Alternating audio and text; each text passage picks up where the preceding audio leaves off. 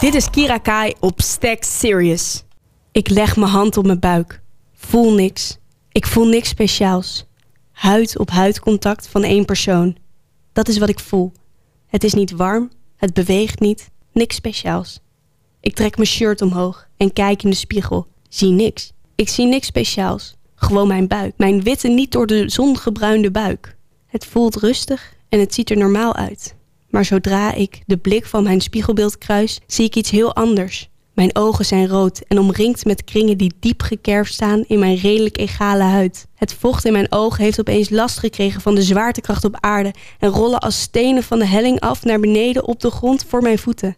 Mijn hoofd lijkt te exploderen van de tweestrijd die ik niet kan bevatten. Oordelen en meningen vliegen rond mijn oren, maar één ding is zeker: mijn oren vangen ze niet op. Ik leef nu in mijn eigen bubbel. Nou ja, mijn eigen bubbel. De bubbel van mij en het hele kleine mini-wezentje dat beetje bij beetje groeit tot een heel klein mini-mensje dat beetje bij beetje weer groeit tot een baby, dan tot een peuter, kleuter, tiener, tot mijn kind. Fuck, fuck, fuck! Ik kan nog geen kind hebben. Ik ben zelf nog een kind. Ik kan nog niet eens zorgen voor mijn eigen schoolwerk, sport en huisdier. Ik ben niet meer vrij. Vrij om te feesten, te genieten van het leven, vrij om enorme risico's te nemen op wat voor gebied dan ook. Niemand waar ik me zorgen over hoef te maken. Alleen maar mensen die zich zorgen over mij moeten maken. Is dat niet gezond voor mijn leeftijd? Maar nu groeit er iets in mijn buik. Hij is gevuld met iets kleins, iets breekbaars. Wat ademt en gaat poepen en pissen. Ik mag eigenlijk van geluk spreken dat ik überhaupt de mogelijkheid heb om een kind te krijgen. Ja, natuurlijk met behulp van de zaadjes van mijn sekspartner. Maar stel als ik zover ben en een kind wil en het dan opeens niet meer lukt, hoeveel pijn zou ik dan hebben dat ik mijn kans mijn kind op heb laten gaan in mist. Ongewenste zwangerschap. Wij gaan het vandaag hebben over dit dilemma. En dan ligt de focus vooral op jonge meisjes en jongens die hiermee te maken krijgen. Een dilemma waarvan ik vind dat het besproken moet worden omdat het zo lastig is en iedereen kan overkomen. Iets waarbij je niet kan spreken over goed of fout. En omdat ik het zo'n ingewikkeld onderwerp vind, ga ik dat samen doen met Tom Hendricks, een trainer en hulpverlener specialist op het gebied van ongewenste zwangerschap. En dat ik dit onderwerp ga bespreken met een man, vind ik des te leuker. Stack Serious. Vandaag ga ik in gesprek met Tom Hendricks over ongewenste zwangerschappen. Welkom Tom, hartstikke bedankt dat u, of jij mag ik zeggen, met mij in gesprek wil over ongewenste zwangerschap. Ja, nee, helemaal prima. Ja, en ik uh, was eigenlijk op zoek eh, naar een, een, gast die daar iets over kon vertellen. En toen had ik eigenlijk verwacht dat ik toch wel een vrouw uh, aan de telefoon zou hebben. Wat is de reden dat jij je gespecialiseerd hebt in ongewenste zwangerschappen? ja, goede vraag. Ik bedoel, zwangerschappen, ja, de enige die zwanger kunnen worden zijn natuurlijk vrouwen. Maar het is niet zo dat een zwangerschap alleen gevolgen heeft voor de vrouw die zwanger, die, de vrouw zelf die zwanger is. Uh, ook haar partner uh, ja, is bij betrokken. Soms meerdere mensen. Dus het is echt niet zo dat een zwangerschap alleen maar gevolgen heeft voor de vrouw zelf. Dus in die zin denk ik dat een man zich ook prima in kan verdiepen. En ja, ook heel goed in staat is om alle facetten en ook alle kanten van de situatie te bekijken. Wat, wat doet u precies allemaal binnen hulp geven aan mensen die ongewenst zwanger zijn? Ja, ik werk voor FIOM. Uh, FIOM uh, was van huis uit een, een en dat is meer verschoven in de richting van een kennisorganisatie. Ik werk al best wel een tijdje en uh, in het verleden heb ik heel veel gesprekken gevoerd met vrouwen, meisjes, vaak ook natuurlijk met partner. Als ze jong zijn, vaak ook wel met ouders die erbij komen, over een ongeplande zwangerschap. Um, de laatste tijd uh, zijn we heel erg bezig gegaan met het overdragen van deze uh, keuzehulpgesprekken, zoals ze heten, naar de GGD's. En uh, ja, op dit moment geven we heel veel trainingen. En nog steeds komen de vrouwen en de meisjes die zwanger zijn bij ons binnen. En wij zetten de hulpvraag verder uit naar met name de GGD-instellingen. Oké. Dus eigenlijk meisjes die ongewenst zwanger zijn uh, of vrouwen die komen naar jullie toe. Maar ik vraag me eigenlijk af, stel je voor je dekt, ontdekt als jong meisje van oh ik ben zwanger. Wat kan je dan het beste doen? Ja, daar is geen eenduidig antwoord op. Um, ik denk dat het heel belangrijk is dat je goed laat informeren over de mogelijkheden. Ja. Er zijn natuurlijk al zat uh, jonge vrouwen, meisjes die uh, ontdekken dat ze zwanger zijn en ja, van, van wie het heel welkom is En soms heeft dat wat tijd nodig. En dat ze denken van, nou ja, met wat hulp uit mijn omgeving gaat het allemaal helemaal prima. Maar er zitten ook vrouwen voor wie het echt heel erg slecht uitkomt. En die ja, soms in paniek raken. Ehm, en ook geen, ja, geen gat erin zien om zelf voor een kind te gaan zorgen. En je had maar goed al... laten informeren is een belangrijke stap. Ja, je had het inderdaad al over het goed informeren van wat de mogelijkheden zijn. Maar we kennen allemaal wel abortus. Maar wat zijn de andere mogelijkheden om zelf bijvoorbeeld niet de verantwoordelijkheid te dragen over het kind, maar toch het kind te laten komen? Ja, als, als een uh, abortus niet, uh, niet aan de orde is, en daar zijn verschillende redenen voor. Uh, sommige vrouwen en meisjes die vinden dat van, ja, kunnen dat niet over hun hart verkrijgen, vinden die stap te moeilijk.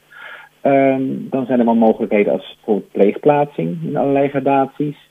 Er zijn natuurlijk vormen waarin er toegewerkt wordt naar wel zelf gaan zorgen voor het kindje, maar dan in de eerste periode andere mensen, pleegouders voor een kind zorgen. Kan ook in soms, um, kunnen mensen in de omgeving ook soms zijn.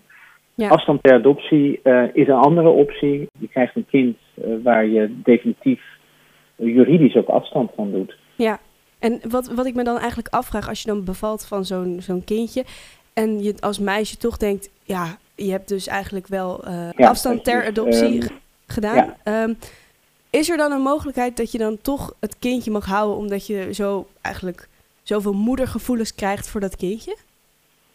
Nou, het is uh, sowieso uh, heb je bedenktijd. Hè? Dus je ziet natuurlijk vrouwen die zwanger raken en um, geen mogelijkheden zien om zelf voor een kindje te zorgen of paniek raken of echt geen, ja, het, het, niet kunnen of willen.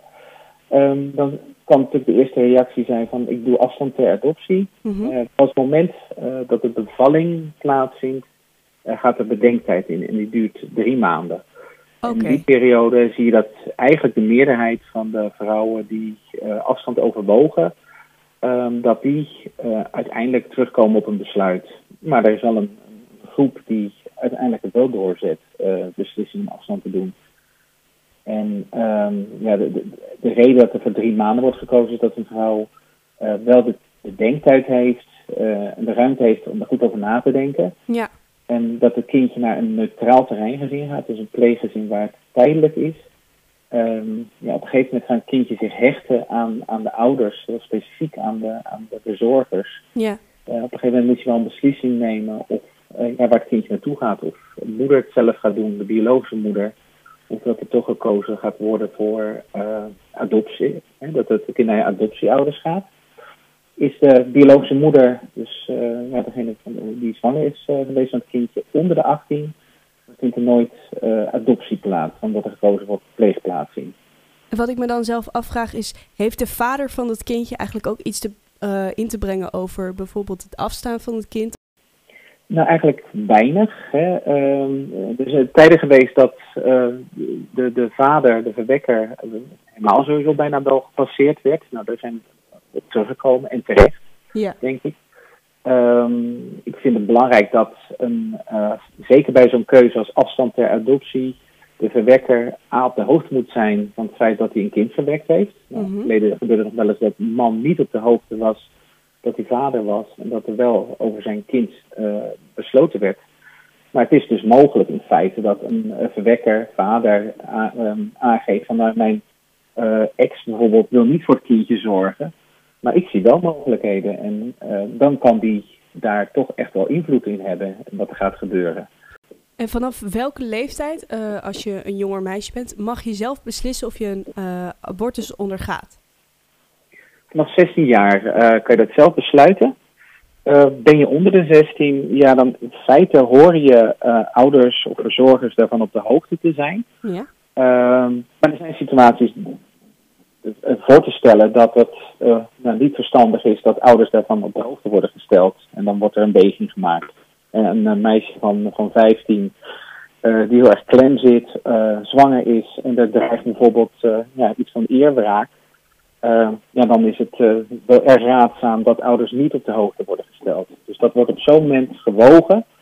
En een abortusarts is in feite de eindverantwoordelijke of een abortus wel niet plaatsvindt. Oké, dus ouders zijn eigenlijk verantwoordelijk tot je zestiende, maar in sommige uh, omstandigheden worden zij dus niet verwittigd. Klopt, ja. Oké. Okay. Er kunnen goede redenen voor zijn. Ja. En stel je voor, die ouders zeggen wel van, ik wil eigenlijk wel dat mijn kind het kindje houdt. Mhm. En dat kind wil dat eigenlijk zelf helemaal niet. Wat, is, wat gebeurt er dan? Ja, bedoel je dan een, een meisje van 16 of uh, een meisje van 15? 15, 14 misschien? Ja, ja nou, in, feite uh, hebben de ouders daarin wel een, een, uh, ja, het laatste woord. Ik denk dat het zelden voorkomt dat een meisje gedwongen kan worden om een zwangerschap uit te dragen. Ja. En, kan het... en tegen, tegen haar wil in feite moeder zal worden. En kan het eigenlijk ook gevaren hebben voor het lichaam van het meisje? Dat het lichaam er zelf nog niet klaar voor is om een bevalling te hebben? Ja, nee, in theorie is het mogelijk dat, dat een uh, meisje van zeker van, van 13, 14 jaar uh, ja. ja. fysiek uh, nog onvolgroeid is. En dat een zwangerschap en zeker een bevalling ja, gevaarlijk kan zijn. En dan kan het zeker ontraden worden om de zwangerschap uit te dragen. Oké. En komen de ongewenste zwangerschappen voor het, het, meeste bij jongeren of een andere leeftijdsgroep waar het veel vaker voorkomt? Uh, ja, in principe uh, zie je eigenlijk vrij laag percentage tienerzwangerschappen in Nederland. Zeker, ja, eigenlijk met vergeleken bijna alle omliggende landen. Ehm, de meeste zwangerschappen of de zwangerschapsafbrekingen vinden plaats bij vrouwen tussen de 25 en 30 jaar. En wat zou daar de reden voor zijn dan, dat het in Nederland best wel laag ligt? Uh, goede, goede voorlichting, beschikbaarheid van, uh, van voorbehoedsmiddelen. Dat zijn denk ik wel de twee belangrijkste pijlers waarop het, uh, ja, het laag aantal tienerzwangerschappen eigenlijk gebaseerd is. Ja, en is het meest voorkomende dat jongere vrouwen dan abortus plegen of toch wel zelf het kindje houden? nou, je ziet als je, ik weet niet precies de getallen zo uit mijn hoofd, maar je ziet wel dat bij hoe jonger de zwanger is, hoe uh, relatief groter de kans is dat zij de zwangerschap afbreekt. En wat daarin meespeelt is dat, uh, ja, als je onder de 18 bent, is het natuurlijk hartstikke lastig om aan, aan geld en een woning te komen. Uh, de steun van ouders is dan heel erg onontbeerlijk. En uh, ja, je ziet ook heel veel meisjes toch afhaken, omdat ja, de, de voorwaarden die zij zelf stelt om ja, goed moeder te kunnen zijn, voor haar gevoel ontbreken. Ja. En uh, ja, steun uh, van ouders is natuurlijk heel belangrijk daaruit. Maar ik denk dat daarbij, maar ik denk ook dat, dat het heel uh, vaak aan de orde is dat meisje is daar school en zo wil afmaken. en een kind graag wil krijgen in een context waarin ook een, een, een, vriend of partner is die een rol kan spelen. En in dat proces, dus om die keuze te maken, um, wordt daar ook hulp voor geboden? Of zijn er instanties waar iemand dan heen kan, echt, om te praten over de keuze die mogelijk zijn? Ja, op het moment dat een uh, meisje of zwa zwangere vrouw bij ons komt en heel erg twijfelt, uh, komt de eerste melding bij een secretariaat binnen. Uh, dan gaat, een, gaat gekeken worden waar het gesprek plaatsvindt door de GGD. Bij de GGD vindt ehm, de, um, ja, de, de, de, het gesprek plaats, het keuzegesprek. Gaat ze het kindje houden of, of overweegt ze afbreking, zwangerschap afbreking. En um, wordt er overwogen van ik wil wel zelf voor het kindje zorgen, uh, maar daar heb ik hulp bij nodig. Ja, er zijn instanties uh, zoals jeugdbescherming die daar een rol bij kunnen spelen, uh, DMO bij gemeentes die meedenken. Op het moment dat zij voornemen heeft om afstand ter adoptie te doen of dat overweegt, dan komt ze automatisch bij FIOM eigenlijk wel terecht. Ja. Want wij zijn de instelling die vrouwen begeleidt bij voornemen om afstand te doen. Maar ik heb een hele andere vraag. Um, mm -hmm. Niet over jonge meisjes. Nou, kunnen ook jonge meisjes zijn. Maar sommige mensen hebben natuurlijk een aandoening. Bijvoorbeeld mensen met een ziekte of mensen met bijvoorbeeld van syndroom van Down. Deze mensen hebben natuurlijk mm -hmm. ook seks. Maar uh, ja. zijn zij bijvoorbeeld te verplichten tot abortus omdat zij uh, iets hebben? Of is niemand te verplichten tot een abortus? Nee, niemand is te verplichten uh, tot een abortus. Uh, je ziet natuurlijk wel dat, dat veel um, uh, vrouwen met beperking uh, wel tegen ja, ja, onderrading aanlopen. Hè. Veel, ze krijgen vaak het advies van doe het niet, ja. zorg dat je niet zwanger raakt, zorg voor goede anticonceptie. Um, en op het moment dat ze als, ja, toch zwanger raken, dan zullen ze vaak geconfronteerd worden met een omgeving die zegt van haal het nou maar weg, hè, want je kan er niet zelf voor zorgen. Ja, ik denk dat um, iedereen in feite wel de kans uh, zou moeten krijgen om het uh, aan, ja, om, te proberen. Maar soms zie je natuurlijk wel situaties waarin je denkt van hier gaat het helemaal niet goed. Nou ja, dan kan er bij voorbaat een, een ja, de toezichtplaats, de toezichtstelling kan, kan er worden uitgesproken. Hè? Dus ook al voor de geboorte van het kindje zodat er al eigenlijk voor de geboorte van een kind ehm, controle eigenlijk is op hoe, hoe, hoe doet deze moeder het. Ja. En ik denk dat in sommige situaties uh, wel het beeld moet worden geschetst van ja, je kan het proberen, maar houd wel rekening uh, mee dat stel dat het niet lukt, dat je kindje uh, uit huis wordt geplaatst. Hè. Dus ehm, ik denk wel dat je alle kanten van, van de situatie moet schetsen en ook ehm, ja, die kant ook moet benoemen van ja, niet de garantie dat je het dan zelf kan gaan doen. En is de kans ook groter dat dat kindje dan zelf ook een aandoening heeft? Uh, bijvoorbeeld bij syndroom van Down? Ja, dat vind ik lastig, uh, lastig om, uh, om. Ja, er zijn bepaalde aandoeningen die natuurlijk een erfelijke component ja. hebben en andere absoluut niet. Dus um, een beetje, ja, ik kan ik niet zo'n een uitspraak over doen. Okay. Bij welke aandoeningen wel of geen sprake is van grote risico's. En als laatste vraag heb ik eigenlijk, uh, waar kunnen jongens en meisjes, dus alle twee natuurlijk, heen met hun vragen over ongewenste zwangerschap? En wat voor hulp wordt er dan geboden voor hun? Ja, ik denk dat het heel goed is dat um, uh, met, ja, jongens, meisjes, uh, vrouwen, mannen zich goed laten informeren. En vaak begint het natuurlijk tegenwoordig het, laten informeren bij, of, ja, via internet. Willen dat mensen naar een huisarts gaan. Als er een goede band met de huisarts is, dat natuurlijk ook prima. Je kan ook zorgen voor goede verwijzing, maar ik denk dat je op de site van Fion.nl, van de organisatie waarvoor werk, kan je heel veel informatie erover vinden. Uh, we hebben ook uh, digitale hulpverlening, zoals Zwanger wat nu. Dat is een, een, een, site waar met behulp van opdrachten meisjes, maar ook hun partners, vrouwen en partners, kunnen, ja, eigenlijk kunnen komen tot maken zelf het nemen van een besluit. Ja. Uh, aan de hand van allerlei verschillende oefeningen en opdrachten. Um, Tienermoeders.nl is een site waarin uh, waar vrouwen, meisjes, natuurlijk, ja, dit gaat echt over meisjes, informatie kunnen vinden op, over um, ja, het aankomend ouderschap terwijl ze zelf nog heel jong zijn.